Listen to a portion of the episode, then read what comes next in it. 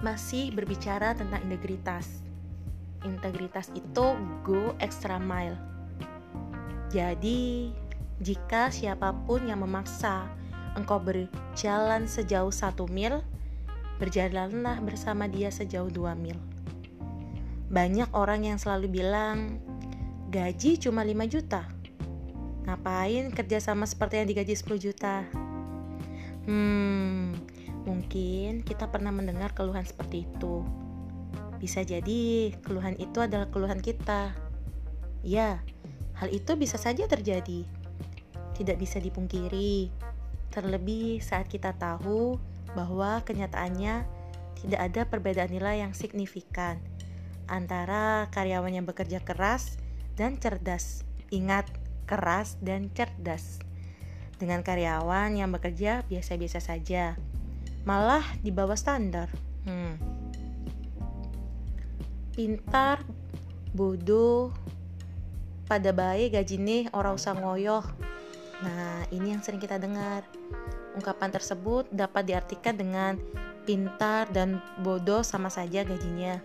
Tidak perlu bersusah payah. Namun, hal itu tidaklah terjadi pada individu yang memiliki integritas di tempat kerja. Mindset individu yang memiliki integritas, meskipun gaji saya cuma 5 juta, tapi saya akan bekerja seperti yang digaji 10 juta. Maka, meskipun kenyataannya ia digaji 5 juta dan ia bekerja senilai 10 juta, ia yakin yang 5 jutanya ia dapatkan dalam bentuk lain. Bukan berapa banyak yang ia dapatkan, tetapi berapa banyak yang ia berikan. Ia yakin dengan hukum kekekalan energi yang juga berlaku di setiap sendi kehidupan. Iya, energi yang dilepas sama dengan energi yang diterima. Jika kita ingin mendapatkan yang lebih, maka harus membeli lebih terlebih dahulu. Individu yang berintegritas bekerja atau melakukan apa pun berorientasi untuk investasi jangka panjang. Mereka punya prinsip. Jika masa depan itu ditentukan dengan sikap kita sekarang, investasi terbaik adalah berbuat yang terbaik di hari ini. Berbuat yang terbaik dengan tidak memedulikan penilaian manusia di sekelilingnya. Ia fokus kepada kebaikannya itu. Go extra mile. Ada nasihat dari seorang guru bijak. Jika siapa pun yang memaksa engkau berjalan sejauh satu mil, berjalanlah bersama dia sejauh dua mil. Nasihat ini membuka tabir rahasia tentang kehidupan di atas rata-rata dan menjadi inspirasi bagi orang biasa yang ingin menjadi luar biasa. Ketika atasan kita bertanya sesuatu, kita mampu menjelaskan dengan informasi yang lengkap dan memuaskan. Kita tidak harus tahu semuanya, tetapi kita dapat segera mencari tahu dengan cepat dan tepat seperti yang diperlukan. Ketika atasan atau rekan kerja sedang kerepotan, kita bisa berinisiatif menawarkan tenaga, membantu meringankan beban mereka. Kita tidak dapat sukses sendirian. Dengan membantu orang lain, sebetulnya kita sedang membantu diri sendiri. Ketika karyawan yang lain hanya menjadi problem reporter yang melaporkan apabila terjadi suatu masalah. Jadilah kita seorang problem solver bagi atasan atau rekan kerja. Ketika kita diberi target penjualan, berikanlah pencapaian di atas target yang diberikan. Apalagi sampai di bawah target dan dibiarkan berlarut-larut, bisa-bisa perusahaan mencari pengganti yang lebih baik dari kita. Jadi, jika kita ingin benar-benar unggul dalam karir, bisnis, sekolah, dan kehidupan, maka lakukanlah tindakan extra mile. Berikanlah selalu lebih dari yang mereka harapkan, baik itu kepada orang-orang di sekitar, keluarga, pelanggan, perusahaan, dan tim kita. Go extra mile membutuhkan usaha, tenaga, dan waktu lebih.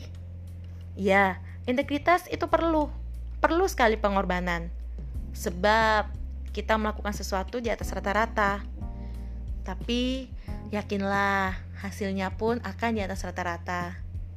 Daripada kita menang mengatakan seperti ini sudah cukup, lebih baik berkata sedikit lagi akan jauh lebih bagus. So, gue extra mile buat tenaga ekstra, tetapi hasilnya pun akan di atas rata-rata. Are you ready guys?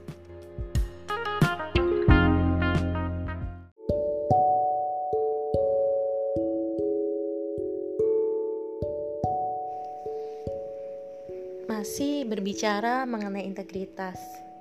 Sadar nggak sih kalau integritas itu juga merupakan puncak kesadaran diri?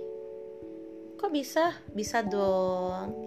Dalam surat Quran Al-Baqarah ayat 255 berfirman, Allah tidak ada Tuhan yang berhak disembah, melainkan Dia yang hidup kekal lagi terus-menerus mengurus makhluknya, tidak mengantuk dan tidak tidur. Kepunyaannya apa yang di langit dan di bumi. Akan saya ceritakan sedikit alkisah dari seorang santri bersama teman-temannya. Alkisah ada tiga orang santri. Dari tiga santri tersebut, hanya satu orang yang mendapat perhatian lebih dari kiai ia selalu diprioritaskan untuk segala urusan. Tentu hal itu membuat iri dua santri lainnya. Hal itu sebenarnya dirasakan oleh kiai dan santri tersebut. Tapi santri yang satu ini tetap menunjukkan akhlak yang baik. Tidak merasa terganggu dengan sikap dua rekannya itu. Sang kiai hanya memantau perkembangan sampai sejauh mana rasa iri itu merasuki dua santri lainnya. Hingga pada suatu hari, Kiai mengundang ketiga santri tersebut. Sang Kiai berkata, Santri-santriku, aku punya tugas buat kalian. Tugas apa, Kiai? Ketiga santri itu menjawab hampir bersamaan. Aku perintahkan kalian untuk menyembeli ayam ini. Syaratnya jangan sampai ada yang mengetahui jika kalian menyembeli ayam ini. Masing-masing akan aku berikan satu ekor Silakan lakukan dan jika sudah segera kembali dan lapor padaku. Maksimal sore ini menjelang waktu maghrib. Siap Kiai. Ketiga santri itu pun segera pergi meninggalkan sang Kiai. Santri pertama pergi ke hutan. Bahkan sampai ke tengah-tengah hutan. Hingga ia memastikan tidak ada yang melihat. Ia sembeli ayam itu sambil tersenyum dan berbisik sendiri. Aku yang berhasil menyembeli ayam ini tanpa ada yang mengetahuinya. Aku kan di tengah-tengah hutan. Santri kedua pergi jauh ke pantai, mencari bukit karang yang terjal. Dipastikan tidak ada yang bisa melihatnya. Jika ada di bukit karang pinggir pantai, ia pun segera menyembeli ayam itu dan tersenyum sambil berucap, "Tidak akan ada yang melihatku menyembeli ayam ini. Aku yang berhasil menjalankan tugas Kiai." Santri ketiga lari ke hutan mencari tempat terdalam ke balik semak-semak gelap. Namun, ia tidak yakin jika tidak ada yang melihat. Ia kemudian lari ke pantai ke balik tebing curam. Juga tidak yakin jika tidak ada yang melihat. Akhirnya, sampai waktu yang telah dibatasi, ia tidak berhasil menyembeli ayam karena selalu tidak yakin jika tidak ada yang melihat.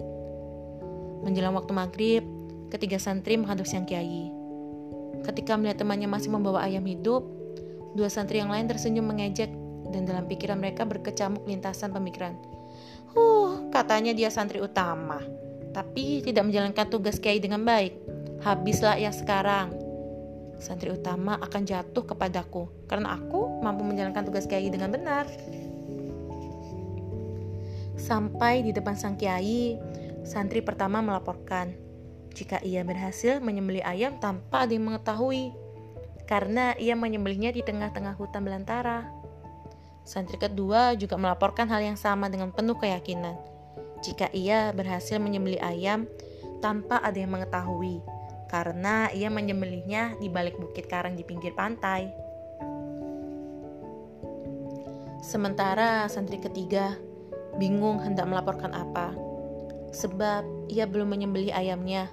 Maka siang kiai bertanya, "Mengapa kamu tidak menjalankan perintahku?" E, anu kiai, sa saya sebenarnya ingin sekali menjalankan perintah kiai untuk menyembelih ayam ini dengan syarat tanpa yang mengetahui. Tapi ke mana pun saya bersembunyi dan hendak menyembelih, selalu ada perasaan ada yang melihat saya. Itu terjadi sampai waktu yang kiai tentukan udah habis. Jadinya ayam ini masih hidup. Jawab Santi tersebut. Lalu bagaimana kamu merasa jika ke mana pun kamu bersembunyi merasa ada yang melihat? Tanya Sang Kiai melanjutkan. Ya, saya rasa ke mana pun saya berusaha bersembunyi, saya yakin Allah melihat saya. Jadi, bagaimana mungkin menyembelih ayam jika tidak ada yang mengetahuinya? Jawab Santi tersebut. Sang Kiai tersenyum dan berkata, Wahai santri-santriku, khususnya kalian berdua, hari ini aku sampaikan kepada kalian mengapa teman kalian ini yang paling diunggulkan dan diprioritaskan. Karena dia telah menjalankan dan mengamalkan ilmu yang didapat selama ini, khususnya ilmu tauhid dan keimanan. Sebagaimana kalian ketahui, dia benar-benar memiliki kesadaran yang tinggi jika Allah Subhanahu wa Ta'ala selalu melihat dia, kapan pun dan di mana pun. Bukankah itu pernah aku ajarkan kepada kalian tentang sikap murakobah?